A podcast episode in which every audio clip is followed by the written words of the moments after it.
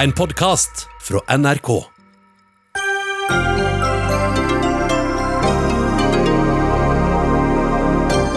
IT-prosjektet Akson skal gjøre det enklere for de ulike delene av Helse-Norge å snakke sammen. Men nå er hele prosjektet i ferd med å bli en gedigen skandale, mener opposisjonen.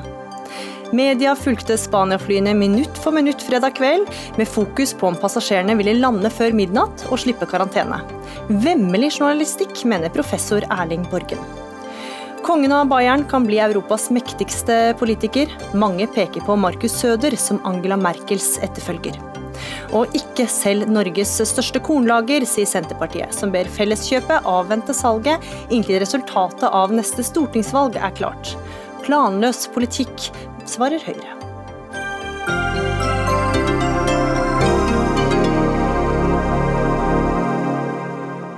Ja, Det er noen av sakene i Dagsnytt 18 denne mandagen, i studio Gry Veiby. Og skal du også få høre om eh, den norske studien som slo fast at det er trygt å trene på norske treningssentre. Ja, Den studien holder ikke mål, sier professor, som møter en av forskerne til debatt. Men før det så skal det handle om det som ser ut til å bli Norges største IT-investering. For det digitale IT-prosjektet Akson, som skal få de ulike delene av Helse-Norge til å samarbeide gjennom et felles journalsystem, får nå kritikk.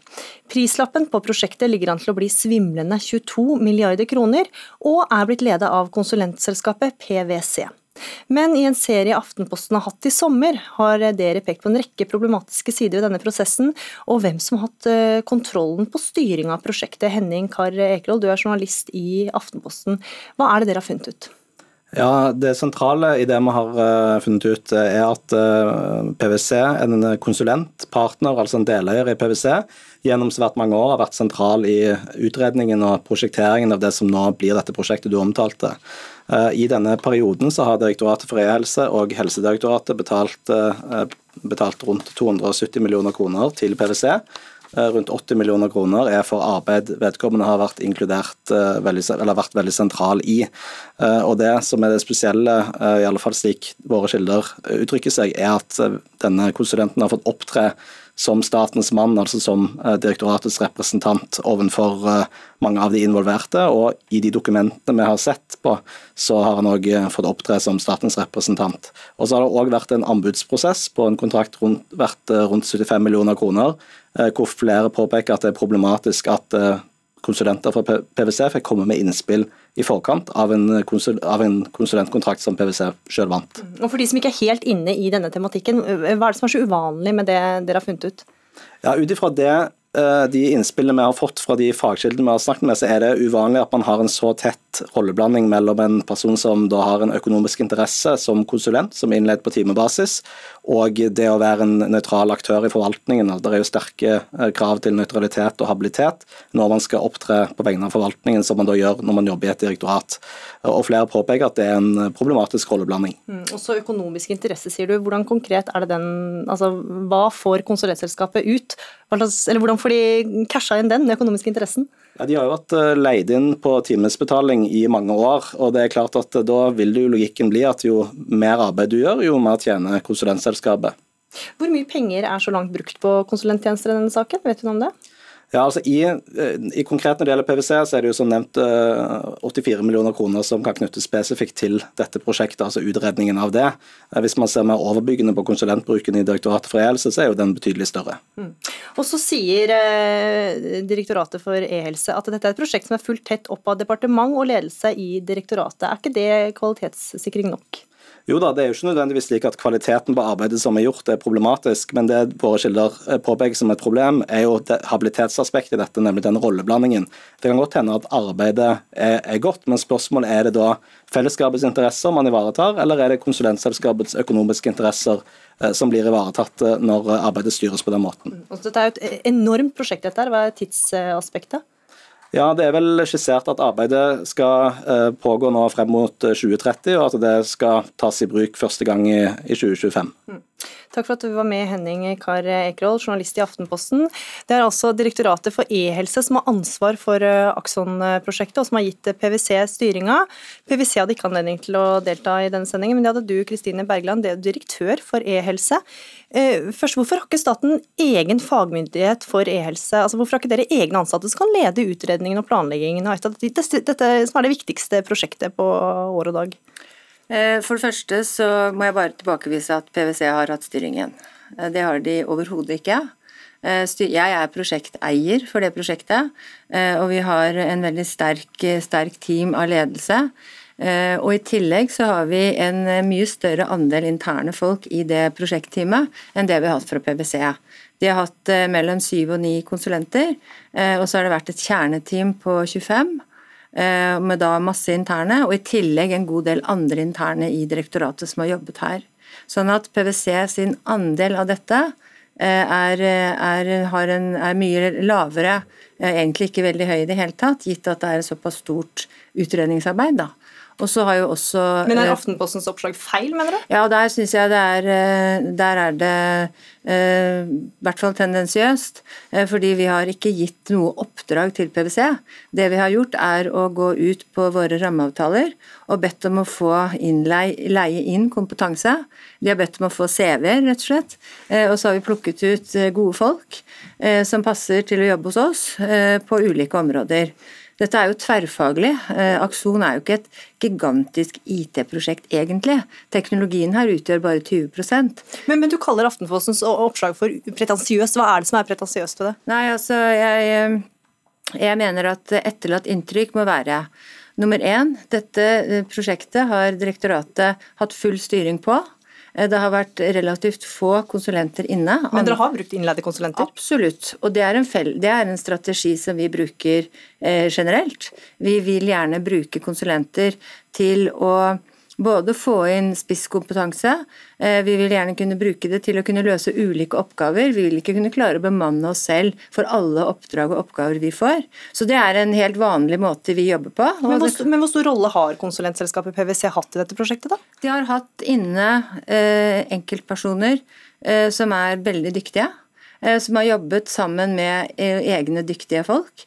De har vært som sagt en tredjedel i et team så det er ikke noe egen rolle for PwC i Akson-prosjektet i direktoratet. Det er et sammensatt team med samfunnsøkonomer, jurist, teknologer, eh, statsvitere osv. Så, videre. så det er egentlig rollen. Det er at de kommer til oss og tilbyr eh, flinke folk som har kompetanse, og som utgjør et fellesskap. Men ifølge Aftenposten så har altså en deleier i PwC hatt en helt eh, sentral rolle gjennom åtte år på dette prosjektet, stemmer det? Det stemmer at eh, vi har hatt inne, og det er unntaksvis at vi, at vi har eh, innleide til som prosjektledere over tid. Eh, men vi syns jo at han var veldig dyktig. Vi har hatt veldig gode resultater. Vi har jo levert fortløpende i henhold til tid og kost. Sånn at det, det, valgte vi å gjøre. og Vi har vurdert det flere ganger og vi har valgt å fortsette å bruke han. Og Vedkommende også, også rapporterte oppover til departementet? Nei, han rapporterer til meg eh, og til oss. Eh, alt som blir produsert i det prosjektet, det kommer jo fra da som sagt et stort team. Eh, og det er jo ingen rapportering direkte egentlig annet enn fra ledelsen inn til departementet. da. Og så En annen ting jeg vil gjerne få sagt, det er at Akson har hatt en konsulentbruk på 56 millioner kroner i årene 2016 til 2019. Mm. Det er det vi har brukt på PwC. På PwC. Ja. Mm. Eh, sånn at det å trekke inn eh, eh, andre områder, det må i hvert fall ikke relateres til Akson. Så 273 millioner som det også opereres med, det er feil? Det er et Aftenpostens tall, men det går jo mange år tilbake i tid. Ikke til 2016, men jeg lurer på om det er til 2011 eller noe sånt. Og det er for alle oppdrag som Helsedirektoratet og Direktoratet for helse i de årene har brukt. Og oppdrag som PwC har vært involvert i? Ja, ja. Det er penger som har gått til PwC, men jeg vil veldig gjerne at det ikke blir oppfattet som at vi har brukt 273 millioner i konsulentutgifter på utredningen av Akson. Der har vi brukt 57 over fire år. Det er 14 mm. millioner i året, da. 57 millioner kroner over fire år. Det er jo, er jo ikke en liten sum, det heller? Jo, egentlig så er det det. Vi utreder jo et, eh, veld, et veldig stort løft for eh, kommunal sektor, eh, som skal gå over mange år, ti år. Eh, det skal brukes 9,5 milliard i investering. og Da er det utredningsinstruksen som vi må følge, statens prosjektmodell, det forutsetter utredning over tre-fire år. og Da eh, vil totalsummen på den utredningen være høy. og Sånn sett så er ikke andelen til konsulenter så veldig stor. altså. Men eh, at denne konsulenten har vært innleid i åtte år, er det vanlig? Er det vanlig Nei. å være innleid så lenge? Det er veldig uvanlig. og Uh, uh, og, jeg, og, det må jeg bare si at jeg kan godt skjønne at man stiller spørsmålstegn ved det. Vi har ingen andre eksempler på det. Uh, men vi har som sagt vurdert det, og, og vi har fått, så, fått til et så bra team og jobber, jobber veldig godt både med ledelsen og i prosjektet, så vi valgte å fortsette med det.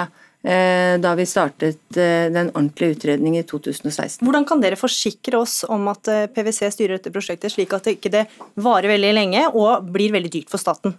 PwC har som sagt ikke styrt prosjektet, det er det vi som har gjort i direktoratet. Eh, men det vi kan forsikre dere om følgende. Vi har levert det vi skal. Vi har fått eksternt kvalitetssikret av Finansdepartementets kvalitetssikringsordning to ganger, som har sagt at kvaliteten er svært høy.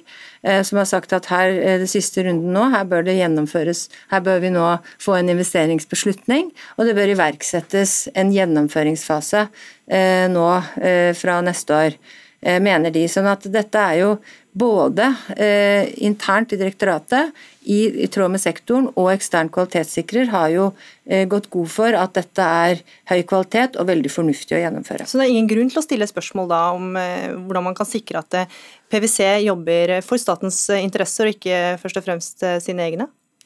Deres interesse vil jo være å gjøre en så god jobb at staten er fornøyd med det de leverer, og har fått tillit hos sine kunder. Men de jobber jo også på timesbetaling? Selvfølgelig, de jobber på timebetaling. Og de har ikke på noen måte hatt innflytelse på, eh, på selve anskaffelsen av PwC. Så det, der er vi uenige med Aftenposten. Og nå skal vi svare ut til departementet litt grundig i midten av august hvordan dette har eh, forløpt. Men sånn som vi oppfatter det så langt, i alle fall, så har vi ikke noe, brutt noen regler. Men det er jo mulig at vi skal se litt på rutiner og og, og, og, og, måten vi håndterer eh, konsulentbruk på. Og det stilles jo flere spørsmål, det er jo ikke bare Aftenposten som stiller disse spørsmålene. Kjell Arne Røvik ved Universitetet i Tromsø sier at dette er noe som ikke står seg i offentlighetens lys. Ja, altså jeg, jeg mener jo at det å ha inne en tredjedel på et team eh, med konsulenter, eh, og to tredjedeler interne, i tillegg mange andre interne, det å ha 14 eh, millioner kroner i året i snitt på konsulentbruk på en så stor utredning, det mener jeg står seg veldig godt, og det tror jeg er noe man vil finne også i mange andre direktorater. Også Opposisjonen også er jo også kritisk, kaller dette en skandale og tillitsbrudd. Hva sier du til det? Jeg sier at uh, det, jeg skal ikke snakke så mye med opposisjonen, det får politikerne ta seg av. Men jeg er jo veldig opptatt av at vi nå bruker tid på å få oppklart denne for, for misforståelsen som jeg oppfatter at noen politikere har, at vi har brukt 250 millioner kroner på å utrede aksjon uh, til PwC. Og det stemmer ikke. Det er jo et helt annet tall vi opererer med der. Da skal jeg sende deg Kristine Bergland, direktør for e-helse, for nå skal politikerne få komme inn. For det er flere opposisjonspolitikere som vil ha granskning av hele denne prosessen, og en av dem er deg, Ingvild Kjerkol. Du er helsepolitisk talsperson fra Arbeiderpartiet. Hva er det som må granskes? Nei, konsulentbruken her er jo bare toppen på kransekaka. Akson er et svært prosjekt til 22 milliarder, som har gjennomgått ekstern kvalitetssikring, og som ikke ikke reflekterer det samme inntrykket av kvalitativt godt arbeid som det direktøren for eh, Direktoratet for e-helse tilkjennegir i studio.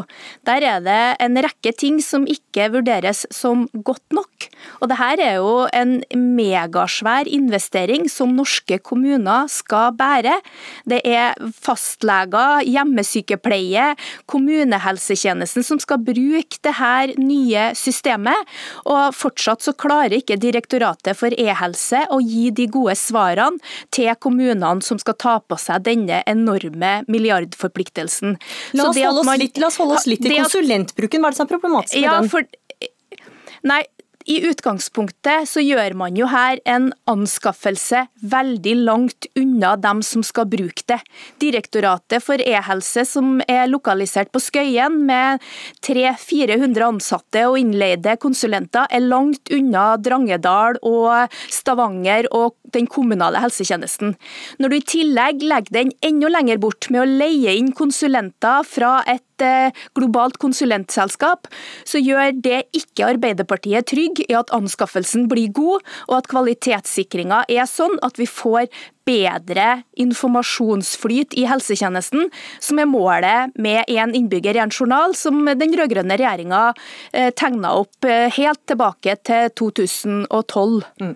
Da skal vi snakke med den ansvarlige for det hele, nemlig deg, Bent Høie. Du er helse- og omsorgsminister. Tilliten har nådd et eh, bunnivå. Det er konsulentbruk uten kontroll. Hva sier du? Nei, jeg kan starte med å berolige Kjerkol at Direktoratet for e-helse ikke skal anskaffe Akson. Det skal kommunene sjøl gjøre. Ja, det har jeg vært veldig tydelig på. Dette er et kommunalt eh, prosjekt. Det som staten gjør sammen med kommunene, er å utrede aksjoner. Det det, I det arbeidet direktoratet har brukt eh, konsulenter.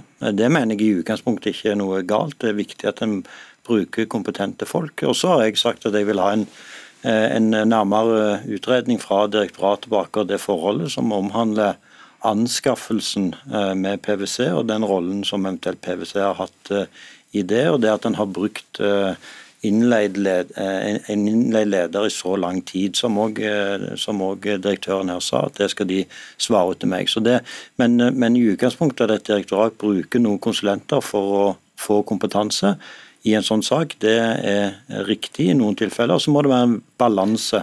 Ja, for, for, da er jo spørsmålet da, Hvorfor kan ikke statens egen fagmyndighet altså for e-helse, hvorfor har ikke de egne ansatte som kan jobbe med dette prosjektet? Det når det er bare over så lang tid? Ja, og det har de jo de fleste av de, så Jeg jobber jo i direktoratet, og det er jo jeg som oppretter dette direktoratet. Hadde jeg ikke gjort det, så hadde f.eks. dette fortsatt ligget i Helsedirektoratet, sånn som det gjorde i begynnelsen, så hadde det vært behov for enda mer konsulenter. Så En av årsakene til at jeg opprettet direktoratet, var jo nettopp å bygge opp en stabil og god og kompetent organisasjon. Men selv de vil jo i noen tilfeller ha behov for å bruke konsulenter. Og Så er det viktig at det skjer ryddig, og at det skjer eh, balansert. og Det skal jeg nå få bedre, forhåpentligvis gode svar på fra direktoratet i løpet av august. og De vil også være tilgjengelig for opposisjonen. og Jeg tror det er lurt at også opposisjonen ser på de svarene før en trekker bastante konklusjon. Mm. Og Kjerkol, Dette var et prosjekt som Arbeiderpartiet satte i gang da dere var i regjering. og Det var allerede da klart at det var, ville bli et stort eh, prosjekt. Man, noen kan jo mistenke dere for å slå politisk mynt?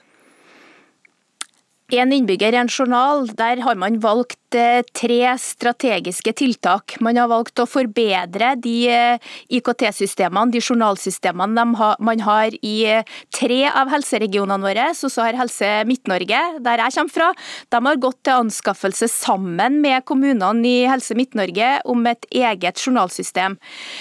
Det vi snakker om i Akson, det er et nytt journalsystem for alle kommunene.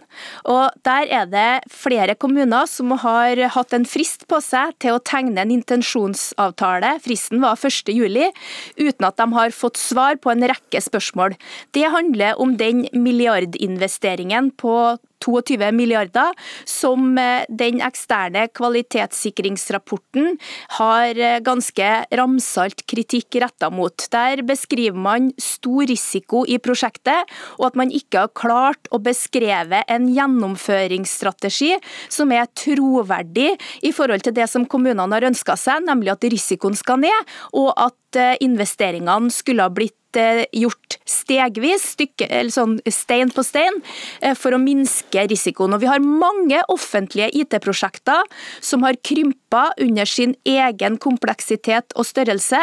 Og det er ikke sånn man løser teknologiutfordringene i 2020. Og det forventer jeg at helseministeren tar inn over seg i samråd med kommunene, for at dette skal bli et vellykka e-helseløft, sånn som vi har ønska oss helt siden 2012. Så, så ditt svar er at dette ville aldri blitt så stort eh, med Arbeiderpartiet?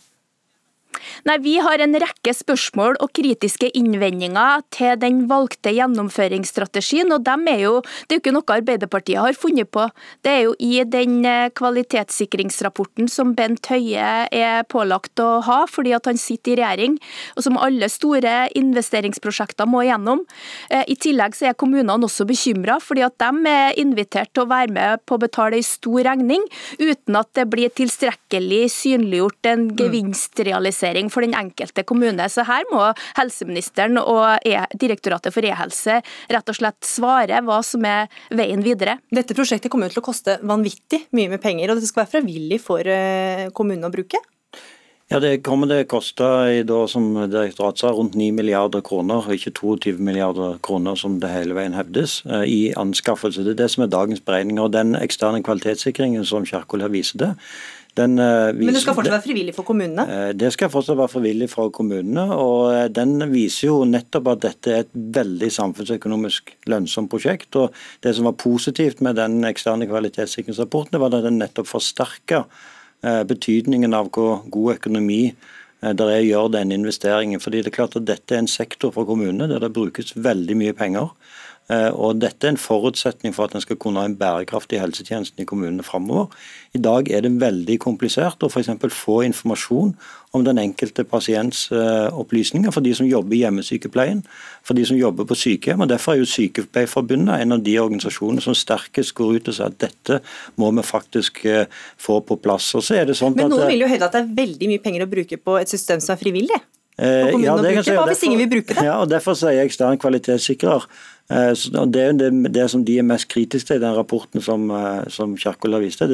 De, mener at dette skal være et statlig pålagt prosjekt. Det er jeg enig med kommunen at det er en veldig dårlig idé. Eh, sånn at Hvis Arbeiderpartiet mener at jeg skal følge den rapporten, så det vil vel der være på tvers av det kommunene mener, ikke minst Arbeiderpartiet sine egne ordførere og KS mener. Fordi de er veldig opptatt av at dette skal være frivillig. Og så er dette prosjektet så bra Eh, at jeg er helt sikker på at kommunene kommer til å være med. Fordi veldig mange kommuner har også prøvd å gjøre dette på egen hånd, uten å lykkes. Og Det er noe av det som nå vi gjør i fellesskap gjennom direktoratet. Men jeg skal være helt sikker på at det er ikke tatt ett eneste steg i aksjon uten at kommunene har sittet rundt bordet og vært med, enten det gjelder arkitektur, men ikke minst på det som ekstern kvalitetssikrer peker på, hva som skal gjøres videre for å redusere risikoen. Dette skal eh, overføres til et, et felles kommunalt selskap der staten skal være med som medeier. Og Alle de eh, problemstillingene som ekstern kvalitetssikrer peker på, de skal kommunene selv være med på og gi gode svar på. F.eks. i hvor stor grad prosjektet skal deles opp i mindre deler for å redusere risiko. Mm. Kjerkol, du sitter i et annet studie, men ser du rekker opp hånda. Her er jo alt under kontroll, ifølge Høie? Ja, det er stort behov for å forbedre e-helseløsningene i norske kommuner. Det er ordførerne i hele landet veldig tydelige på. Eh, de inviteres til å ta en stor regning uten å vite hva det er de får. Det bekrefter den rapporten som Bent Høie viser til. Og Når man opererer med det doble tallet til Bent Høie, da, eh, ikke 9 milliarder, men det dobbelte, så er det jo fordi at det i konseptvalget er sannsynliggjort omkostninger omkostninger i samme størrelse som selve anskaffelsen eller flere. Man har jo fortsatt ikke svart på om det skal være én anskaffelse av ett mm. journalsystem, eller om det skal være flere. Og Det den eh, kvalitetssikringsrapporten sier, det er at man ikke har levert en troverdig gjennomføringsstrategi, og man har ikke greid å redusere risiko, sånn som både KS og kommunene har vært veldig opptatt av. Vi får ikke fulgt opp det her eh, akkurat nå, men takk for at dere var med i Dagsnytt 18, Bent Høie, helseminister, og Ingvild Kjerkol, helsepolitisk talsperson. Det er ikke siste gang vi kommer til å snakke om eh, Akson her i Dagsnytt 18. Hør Dagsnytt 18 når du vil. Radio NRK.no.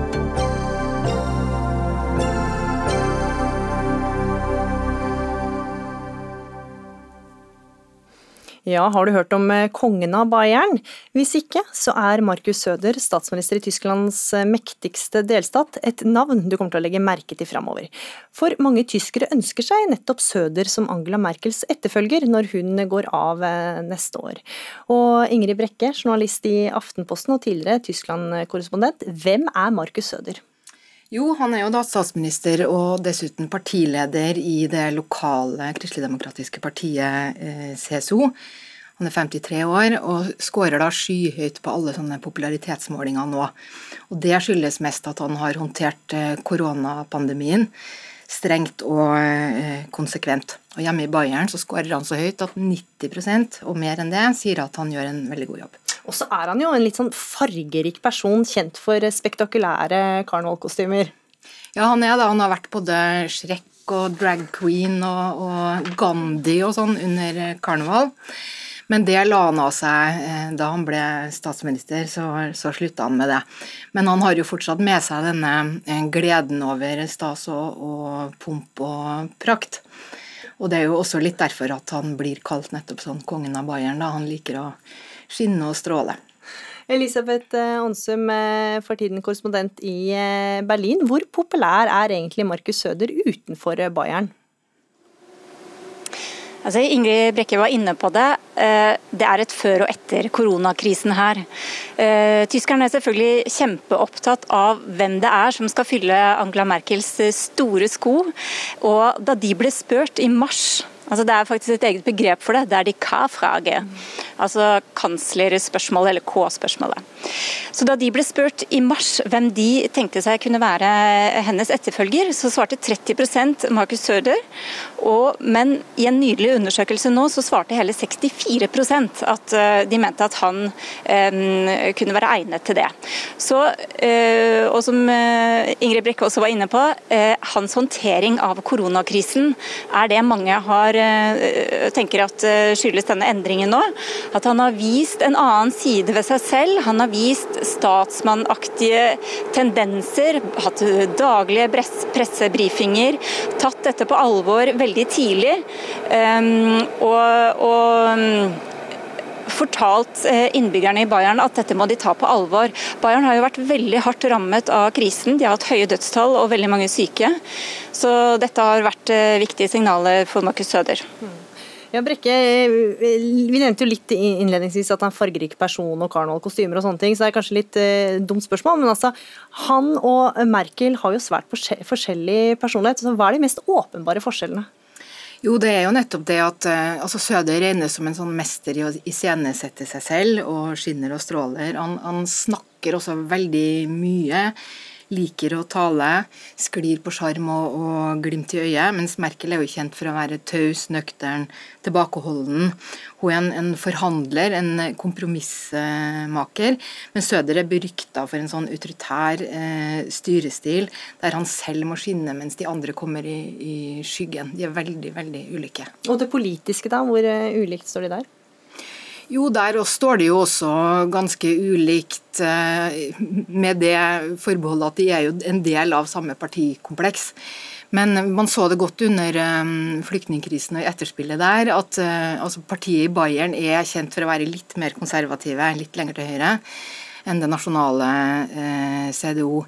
Man så også at noe av det første han gjorde da han ble statsminister, var å bestemme at alle offentlige bygninger i Bayern skal ha et kors. Det er en sånn veldig sånn symbolsk eh, handling. Men jeg tror at det som er mer eh, vanskelig for, eh, for, CDO å spise med han enn på en måte de politiske standpunktene, det er litt sånn stilen. Det at han er så både hard og, og, og samtidig på en måte uforutsigbar at, eh, at da høyrepopulismen var, sto veldig høyt, så lefla han og, partiet med dem, tok i bruk litt av retorikken deres, snakka f.eks. om asylturisme, noe det ble veldig mye bråk av. Mens nå er jo de litt ute nå, det er de grønne som trender, så nå er han veldig opptatt av sånn bier og fornybar energi og, og sånne ting. Mm. Elisabeth Onsum, eh, hvem er det som blir hans sterkeste utfordrere i kampen om å være kanslerkandidat? Vi må for ordens skyld si at han ikke har lansert uh, sitt kandidatur. Uh, men når han blir pressa på, det av journalister osv., så, videre, så svarer han bare at 'min plass er i Bayern'. Så, uh, men like fullt, han blir pekt på. Og um, en annen som har vært aktuell, er Armin La Eh, Laschet, som er Nordrhein-Westfalens president. Eh, han er kanskje mer på linje med Merkel i en del spørsmål, eh, også da fra CDU. Korona, der koronakrisen har virket i favør for Markus Søder, så har den gjort det motsatte for Laschet. Han eh, har blitt oppfattet som at han ikke håndterer eh, krisen på godt nok vis. Han, om han ikke har liksom valgt en svensk strategi, så har han vært eh, løsere i snippen, på en måte. Eh, ikke strammet inn like hardt som vi har sett i Bayern. Så Han er én kandidat. og Så har du også um, Friedrich Merz, som, var, uh, som utfordret uh, AKK, eller Anne Greth Kramp-Karrenbauer, som nå sitter som leder for CDU. Um, han er jo uh, Merkels gamle nemesis. altså um, De hadde en feide for lenge siden, men han har finanspolitisk bakgrunn. Uh, det kan gjøre at han kommer på banen nå. Han har vært litt tilbaketrukket fra den politiske arenaen. Uh, men det at noen tross alt skal hamle opp med ettervirkningene av koronakrisen, kanskje det gjør at, at han mm, kommer sterkere tilbake nå. Og så er det unge Jens Spahn. Han er bare 40 år. han er helseminister, um, og egentlig uh, litt sånn Laschets mann. Um, for det er jo også et spørsmål om om man skal løsrive kanslerrollen fra eh, partilederrollen. Og hvor aktuelt blir det da for noen å være bare partileder? Noen mener at Jens Spahn kanskje er ung nok til å tenke seg at han kan være partileder og støtte f.eks. Eh, Marco Søder eller en annen som kansler. Og til slutt så er det um, uh, um, uh, Hjelp meg, Ingrid Brekke. Norbert Rødtgen. Norbert Rødtgen stiller også, men han er jo ja. helt sjanseløs, regner man vel med? Han er nettopp. Han har seilt veldig akterut. Det er ingen som egentlig har noe tro på han. Men han er nå en av de som også nevnes i, når man snakker om kanslerkandidatene. Mm. Og Maktkampen i tysk politikk vil fortsette i månedene framover. Fasit på om han vi snakka mest om i dag, nemlig kongen av Bayern, faktisk blir konge av Tyskland, får vi først etter valget neste år. Ingrid Brekke, takk for at du var med, og så takk til deg, Elisabeth Onsum.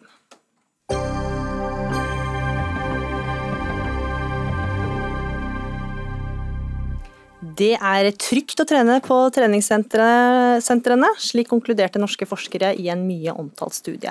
Men nå får de kritikk. For studien burde blitt lagt i skuffen, mener professor, som møter en av forskerne til debatt snart. Var du en av dem som satt fredag kveld og fulgte prikkene som bevega seg over europakartet? Eller er du kanskje en av dem som irriterte deg grønn over akkurat det samme? For flere medier fulgte flyene fra Spania minutt for minutt med overskrifter som 'Kjemper mot klokka for å unngå karantene', 'Følg karantenekappløpet', og Annelise og Maria sitter på flyet som kjemper mot karanteneklokka. Ja, det er mange som har reagert på dette, blant andre deg, Erling Borgen. Du er professor i samfunnskritisk dokumentar ved Høgskolen i Lillehammer, og du kaller det rett og slett vemmelig journalistikk. Hva var det som var galt med at media dekket dette her noen sene kveldstimer på fredag? Dette er en eh, verdensomspennende helsekatastrofe. Og jeg tenker da at når media gjør om dette til reality show, Eh, blir de stemt ut? Rekker de frem? Rekker de taxfree? Så syns jeg dette er en vulgarisering av noe veldig, veldig alvorlig. Jeg har bare lyst til å si at jeg har jobbet i NRK i 20 år. Jeg har vært korrespondent to steder. Jeg er veldig stolt over eh, NRK. Eh, og jeg synes at NRK har gjort en strålende jobb under denne pandemisituasjonen. Men det der jeg så på fredag, skammelig og pinlig og barnslig til og med. Mm, ja, Vi kan begynne med deg, da, her i NRK, fagredaktør i NRK, Marius Tetli. Også vi her var jo med på dette flykappløpet, men du forstår kritikken, er til dels enig?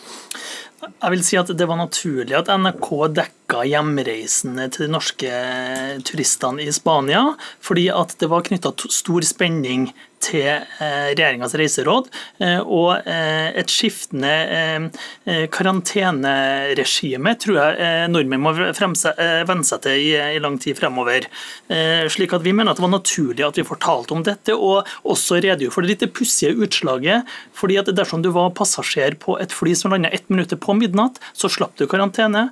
Men vippa det ett minutt over midnatt, så måtte de i karantene. Men når det er sagt, så, så, så vil jeg si at vi ser at den saken på nrk.no ble noe overdimensjonert fredag kveld. Den lå på topp i flere timer, og den ble gitt et uttrykk som kunne minne om at dette var en løpende, dramatisk nyhetshendelse. Der traff vi ikke helt på uttrykket vårt. Og det evaluerer vi, og det skal vi bli bedre av. Hmm. Vi skal ta inn noen andre som også fulgte den dekninga og dekka flyene i medvind og motvind. Det var dere, Rolf Sønstelie, du er redaktør i VGTV og fungerende redaktør i VG i forrige uke. Forstår du reaksjonene på journalistikken? Nei, jeg forstår ikke Borgens kritikk. Den mener jeg er fullstendig urimelig. Eh, VG, NRK og andre norske medier har eh, bedrevet over lang tid en svært grundig, en svært massiv journalistikk og dekning av denne pandemien. Vi har gjort det dypt, vi har gjort det bredt, vi har gjort det datadrevet, vi har gjort det med reportasjevirksomhet fra inn- og utland. At når nordmenn, eh, norske borgere, eh, reiser til eh, Spania eller andre land, når det ble åpnet for det, og skal hjem igjen når landet har gått fra rødt til grønt, selvfølgelig skal vi dekke det. Ja, Erling Borgen, altså dette er jo ikke, altså Både NRK og VG har dekka koronaepidemien tett i mange måneder. Hvorfor gjør det noe om det er eh, også dekker dette et par sene kveldstimer fredag? Jeg uttrykte akkurat min beundring for NRKs dekning, og jeg kan også uttrykke min beundring for uh, VGs dekning. Men det er faktisk en forskjell på NRK og VG. Eh, NRK er statsfinansiert. Eh, de kan velge hva de vil gjøre. Eh, og dette var faktisk alt. Jeg mener at NRK svikter sin samfunnsoppgave når de gjør om en verdensomspennende helsekatastrofe til underholdning. Og det var ikke bare den kvelden, men neste dag så fulgte de nordmenn som ville kjøpe billig snus i, i Sverige. NRK gjør det bedre enn dette i, i fremtiden. Dette er en vulgarisering av journalistikken.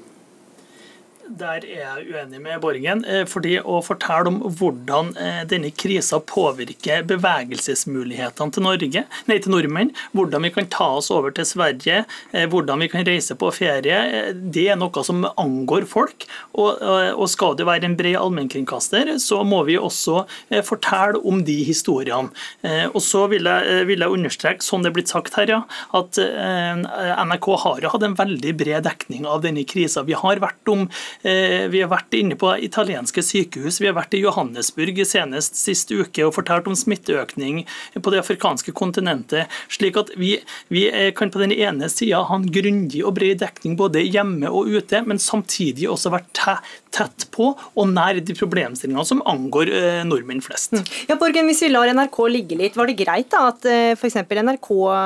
Dekka, nei, VG dekka dette sånn? Nei, jeg sier ikke at det er greit, men jeg sier det er et helt galt uh, fokus. Jeg er jo professor på Høgskolen på Lillehammer og underviser mine studenter i samfunnskritiske dokumentarer. Og denne saken her har jeg tenkt faktisk uh, å diskutere med studentene når semesteret eh, åpner igjen. Og jeg vet at hvis jeg hadde jobbet i NRK nå, så hadde jeg vist til den paragrafen i Pressens Vær varsom-plakat som sier at dette strider mot min samvittighet å dekke noe så uh, fjollete. Og Når jeg har ordet, så tenker jeg jeg er stolt av NRK, jeg leverer dokumentarer til NRK. Eh, nå syns jeg jammen meg NRK må sende tilbake sine to USA-korrespondenter, slik at vi kan få en ordentlig dekning, eh, i tillegg til Lars' dekning i USA. Men dette er jo en, en helt annen sak, Erling Borgen. Altså, hvordan skulle mediene dekket dette? Skulle de bare latt det være? Nei, men eh, jeg våknet midt på natten klokken tre, og så slo jeg på eh, Dagbladet, eh, VG, og Dagbladets overskrift var eh, 'Flyet landet over fem spalter', og du tenkte 'var det en kapring'? Var det en kidnapping.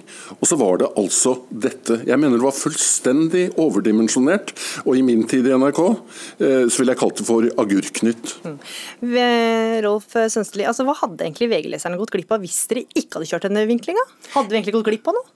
Men dette er relevant for mange mennesker. Mange nordmenn valgte å benytte seg av muligheten til å reise når den åpningen kom. Det er relevant for oss å dekke. Men hvem, hvem er det relevant for annet enn de som sitter i flyet og deres familie og venner? Men dette er jo, en, dette er jo en, eh, en, del av den norske samtalen om koronavirkeligheten her og nå i sommer. Det angår mange, det må vi dekke. Og Borgen må eh, passe på at han ikke blir for elitistisk i sin tilnærming til hva som skal være pressens oppgave. Vi har dekket dette som en verdensomspennende helsekrise, men vi dekker også hvordan det påvirker folk i en hverdag her og nå. Det er også pressens oppgave. Mm. Ja, Borgen, Det er jo et bilde på Norge her og nå, som vi hører. Og det er jo mange som bryr seg om dette. Jo, men du har altså her en eh, situasjon hvor eh, 650 000 mennesker er døde, og 16 millioner verden over er smittet. Og da er dette altfor mye. En kraftig overdekning som jeg syns du kan skåne folk for. Og jeg har virkelig fått masse reaksjoner da jeg skrev om dette på Facebook først. Et overveldende flertall av de som kommenterte det, sa tusen takk for at du sier dette. Ja, Tetlian får jo støtte fra flere, og noen mener også at dette kan være ødeleggende for pressens samlede troverdighet?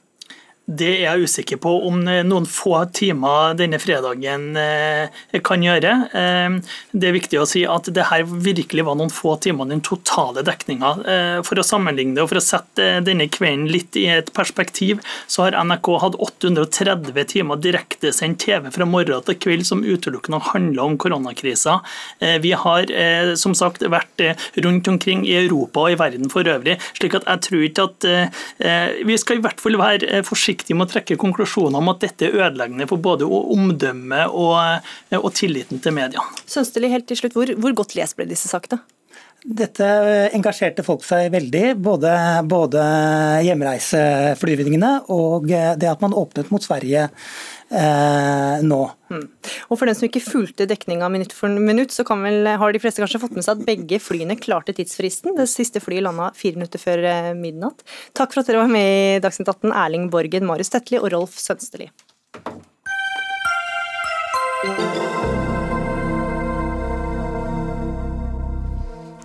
Arbeiderpartiet og Senterpartiet vil sikre beredskapslagring av matkorn i Norge til seks måneders forbruk. Et år før partiene eventuelt kan sikre rød-grønn valgseier, kan Nord-Europas største kornlager, Stavanger havnesilo, bli revet eller omgjort til boliger. Og Geir Pollestad, du er stortingsrepresentant og leder av næringskomiteen på Stortinget. Hvordan bør eieren Felleskjøpet Agri forholde seg til signalene fra Arbeiderpartiet og Senterpartiet? Først og fremst er det jo et kjempeproblem at eh, regjeringen ikke satser på eh, beredskap og ikke etablerer beredskapslagring av eh, matkorn. Men hva mener du? Hvordan, hvordan burde Felleskjøpet nå for, for, forholde seg til signalene fra dere? Ja, jeg forstår godt at Felleskjøpet ikke kan ta dette ansvaret alene, men eh, jeg håper virkelig at Felleskjøpet ser på de signalene som vi nå eh, gir. Vi har en tanke om at hvis og når vi vinner valget i 2021, så er en av de første tingene vi skal ta fatt på å etablere beredskapslager av matkorn i Norge. Og da eh, ville det vært godt eh, at disse, at ikke siste tog var godt, at det er mulig å ta i bruk eh, siloene i eh, Stavanger og bruke dem som en del av den totale beredskapslagringen av mm. mat. Men Felleskjøpet Agri kjøpte dette lageret i 2014 etter signaler om en politisk beslutning om beredskaps, beredskapslagring uten at den har kommet. Hvor mange stortingsvalg skal en privat aktør smøre seg med tålmodighet? Nei, Det er jo derfor jeg har all forståelse for at Felleskjøpet har lyst til å gjøre noe annet eh, med disse. Men du ber Så... dem jo vente igjen? Ja, for jeg er nokså sikker på at nå skal vi få til en eh, valgseier. Og eh, problemet her er jo at partiet har gått vekk fra det. Stortinget har gjort vedtak om det. Og så har Kristelig Folkeparti, etter de kom i regjering, snudd i saken. Det er et kjempeproblem. Men nå sier vi at vi ønsker Eh, å satse på beredskapslagring av matkorn. Vi mener det er behov for det, eh, og det kommer til å være en prioritert sak for eh, Senterpartiet etter stortingsvalget. Og Da vil det jo være veldig dumt hvis disse siloene, som er veldig godt egnet, er gjort om til boliger når valget blir holdt. Vi skal høre da styreleder i Felleskjøpet Agri, Anne Skuterud. Vil dere lytte til Senterpartiets råd?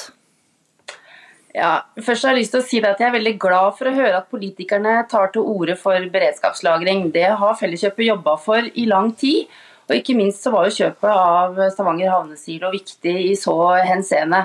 Og så er det jo som det ble nevnt her, eh, Vi har vært gjennom flere stortingsvalg og jordbruksmelding. og mange muligheter for politikerne til å faktisk gjeninnføre beredskapslagring uten at det har skjedd. Så, så da er jo spørsmålet igjen, da, Vil dere lytte til Senterpartiets råd? Vil dere vente enda lenger? Vi er i den situasjonen at eh, de fleste kornprodusenter holder til på Østlandet og i Trøndelagsdistriktet. Og vi har gamle, slitne anlegg, eh, mottaksanlegg og lagringsanlegg som trenger oppgradering. Og det er vårt primære eh, ansvar nå å sørge for at vi får så effektiv kornstrøm som mulig for våre medlemmer. Så svaret er nei? Det er for tidlig å si. Vi har satt i gang en prosess.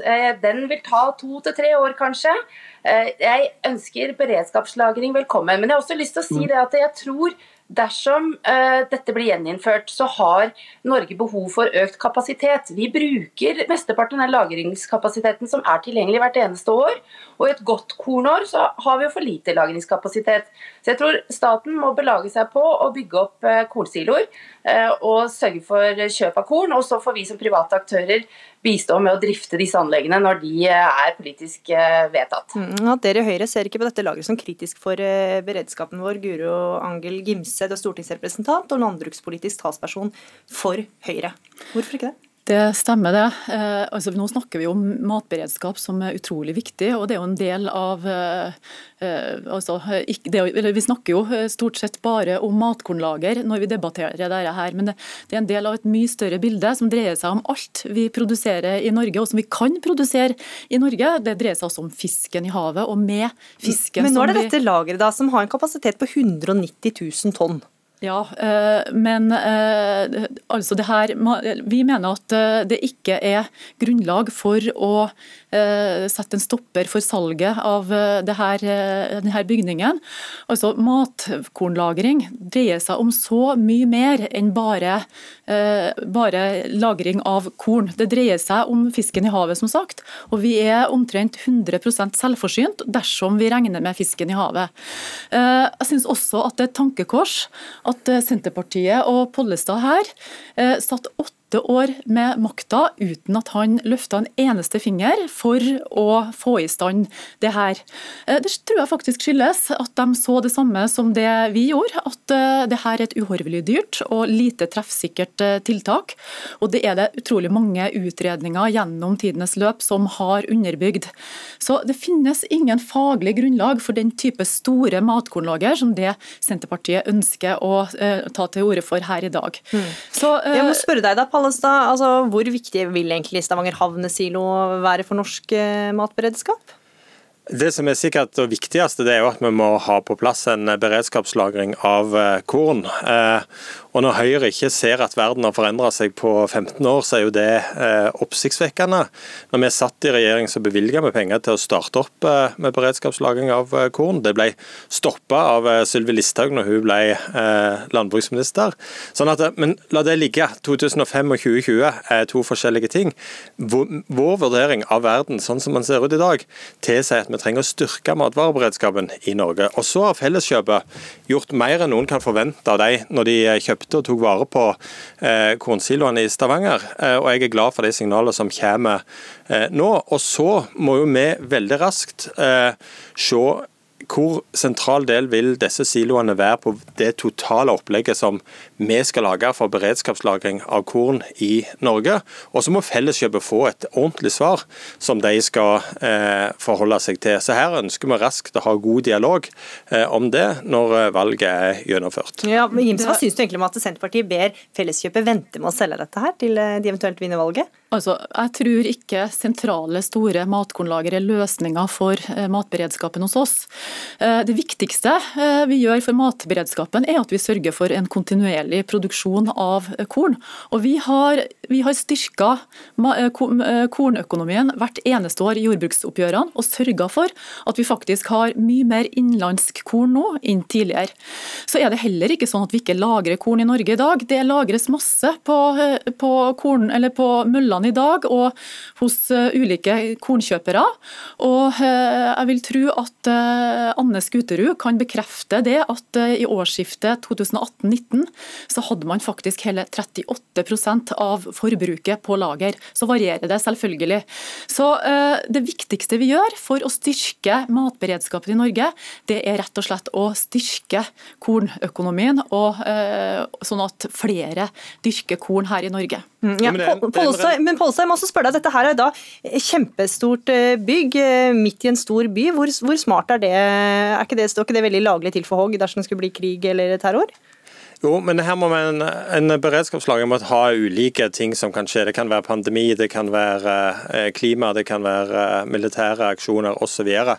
så det må vi jo altså Vi ser jo for oss at i tillegg til store sentrallager, så skal en ha lagring ute på, på gårdsbruka. Men jeg har lyst til å si til Høyre at Ja, jeg kan gjerne, gjerne skryte over ting som en har gjort, men realiteten er at kornarealet i Norge går feil vei.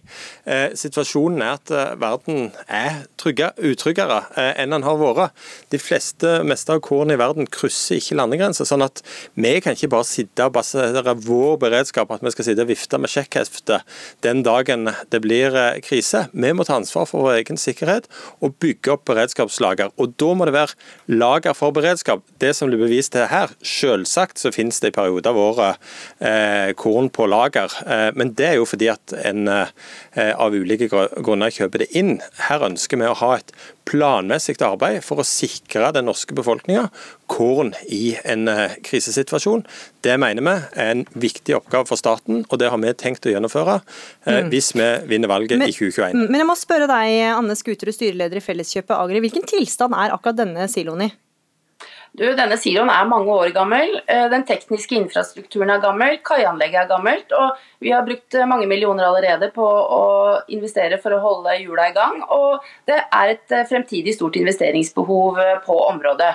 Og I tillegg så er jo denne plassert midt i boligområdet. altså eh, Boligbyggingen kommer nærmere og nærmere. så For oss så er det rett og slett feil plassering av et eh, kornlager. Vi trenger kapasitet i eh, kornområdene, og da snakker vi Østlandet og Trøndelag. Men vi har jo sagt hele tiden at vi skal bygge opp tilsvarende kapasitet dersom vi går til det skritt å selge Stavanger havnesilo. Så eh, det må man ha med seg. Her er det ikke snakk om å bygge ned, det er snakk om å videreføre totalkapasiteten. Hmm, Så får vi bare vente og se hva som skjer da med Stavanger havnesilo. Takk for at dere var med i Dagsnytt 18, Geir Pollestad fra Senterpartiet, Guro Angel Gimse fra Høyre og Anne Skuterud fra Felleskjøpet Agri.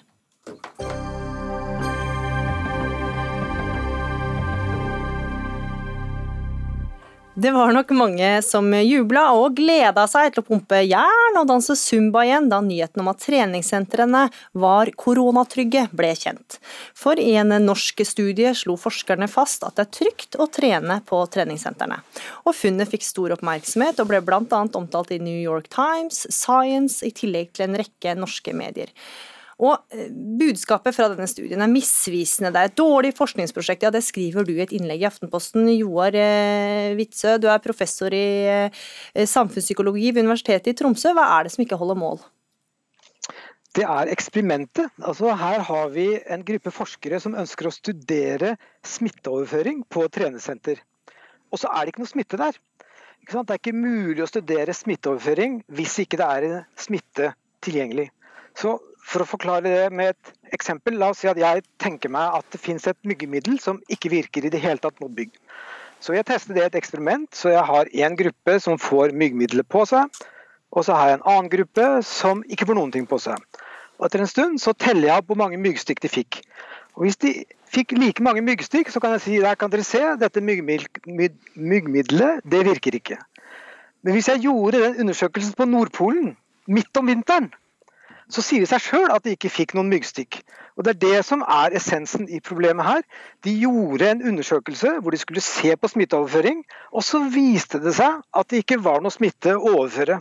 Og Da de oppdaga det, så mener jeg at de burde lagt studien i skuffen. For det er ikke grunnlag for å konkludere sånn som de gjør i den undersøkelsen som de har gjennomført. Vi skal høre med noen av de ansvarlige. Mette Kallager, du er lege og forsker ved Universitetet i Oslo og Oslo universitetssykehus.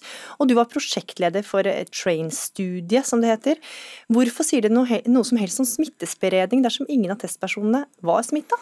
Nei, Jeg tror at uh, har misforstått helt, eh, fordi han snakker om eh, mygg. eh, og om det var mygg til stede. Og det var faktisk mygg til stede. Det var eh, smitte eh, i det norske samfunnet og i Oslo og Bærum, der denne studien var, var gjort. Det var eh, nesten like mange smittede som det er i de områdene eh, i Europa som vi nå kaller røde. Eh, vi, og vi vet ikke hvor mange smittede det har vært inne på sentrene. For vi testet ikke deltakerne når de startet med denne studien. Vi testet de først etter 14 dager. Sånn at det stemmer ikke det Wittersjø sier. Det var mygg, og det var covid-19 i eh, Oslo og omegn eh, på Men det dere vet jo ikke om noen av de som var med i studien var smitta? Nei, det er akkurat det vi ikke visste. Vi vet ikke om det var noen der inne som har vært smittet. Alt vi vet var at det var ikke flere som var testet positiv på slutten av studien i den gruppen som fikk trene, sammenlignet med den gruppen som ikke fikk trene. Vi sjekket ikke bare smitte, vi sjekket også om disse personene hadde vært innlagt på sykehus eller kontakt med lege, og vi fant ingen forskjell mellom disse to gruppene. Så det betyr at når man ikke finner noen forskjell på disse to gruppene, som har vært i en omgivelse hvor det har vært smitte, eh, så kan man si at det er trygt å trene inne på treningssentrene. For dere fant én som var smitta, men dette var en som var blitt smitta på jobben og ikke hadde trent på treningssenteret overhodet. Riktig. Mm. Ja, Vittersjø, altså For at her, denne forskningen skulle sagt noe som helst, hvordan mener du at burde vært, eh, studien burde vært gjennomført? Ja, Forskerne sier jo sjøl hvordan den burde vært gjennomført. og Det er at de hadde tilstrekkelig mange observerte smittetilfeller da studien var slutt. Altså Det skriver de helt eksplisitt. Vi trenger nesten 40 positive tester 8.6, da, da studien ble avslutta. Og det er fordi at de trenger å vite noe om hvor sannsynlig det er å bli smitta ja, av noe som Du var smitta i den perioden akkurat like, nesten like mye som det er i de områdene i dag som vi kaller røde, f.eks. Spania, deler av Sverige. Men det var i samfunnet, ikke, det var ikke i uh, gruppa dere nei, men det, Disse menneskene som er i denne studien, de er en del av samfunnet. Så hele poenget her er å se om det er mer smitte når du trener enn når du ikke trener. Det betyr at disse to gruppene har vært i et samfunn hvor det har vært smitte om de som trente inne på treningssenteren, om vi bare fant én positiv der fordi de var, eh, ikke var smittede fra før, eller om det var eh, liten smitte når de først kom inne på treningssentrene, kan vi ikke si. Vi har også eh, Altså, vi vet ikke hvilke av disse to moment, av disse to smitteføringene som det var, som kan forklare at vi fikk så lave smittetall. Hele poenget er å sammenligne disse to gruppene i et miljø, og det miljøet er Oslo, og der var det smitte. Det var på denne samme tiden som Black Life Matters eh, eh, demonstrasjonene var. Og Da gikk jo myndighetene ut og sa at dette er problematisk fordi smittetrykket i samfunnet er såpass stort. Og Dette var i den samme perioden disse menneskene fikk lov til å trene inne på treningssentrene, og da de som var i kontrollgruppen ikke fikk trene. Så det, er, det stemmer ikke det som Wittersjø sier, at det ikke var covid-19 i samfunnet. Og vi vet heller ikke om det har vært smitte inne på sentrene. For alt vi vet, er at det ikke var noen forskjell på de som trente og de som ikke trente etter 14 dager mm. Eh, med gjennomgang av studien. Mm. Vittersjø? Ja, altså det er jo hele poenget med et eksperiment er at det må være noe i eksperimentgruppa som virker annerledes enn i kontrollgruppa. Og Forskerne er helt soleklare på det. For at eksperimentet skal ha en funksjon, for at det ikke skal være meningsløst, så trenger vi å observere ca. 40 smitta personer da denne testen ble gjort, ca. 8.6. At det var en viss smittespredning i Oslo på den tida, er åpenbart. Du trenger ikke å gjøre noe eksperiment for det. Det var jo tall som ble offentliggjort daglig. Det er omtrent hvor mange som var smitta i Oslo. Og det er omtrent akkurat like mange som dere fant, så dere trenger ikke gjøre noe eksperiment. Og det er det som er mitt poeng. Eksperimenter har en kjempehøy status i medisinsk forskning. Det betyr at når dere konkluderer vårt eksperiment viser at det er trygt på treningssentrene, så er det feil. Det er et brudd med forutsetningene som dere selv har satt for å gjøre et eksperiment. Hvor mange som var smitta i Oslo, det trenger man ikke gjøre et eksperiment for å finne ut. Jeg, jeg bare lurer på om du kan ha misforstått, fordi på dette tidspunktet så var det faktisk faktisk sånn at man fikk ikke lov til å ha treningssentrene åpne fordi man var redd for at det skulle øke smitten. Og Da må man gjøre en sånn studie eh, hvor man sammenligner noen som får trene og noen som ikke får trene, for å se om det er farligere å trene enn å ikke trene. Og Det fant vi at det ikke var. Så Jeg forstår ikke hvordan Wittersjø tenker seg at når man er i en situasjon hvor myndighetene mener at det er for farlig å trene, eh, sånn at man stenger treningssentrene, mener Wittersjø da at man ikke skal sjekke ut det og bare la folk ikke trene? Skal få svare på det, Wittersjø.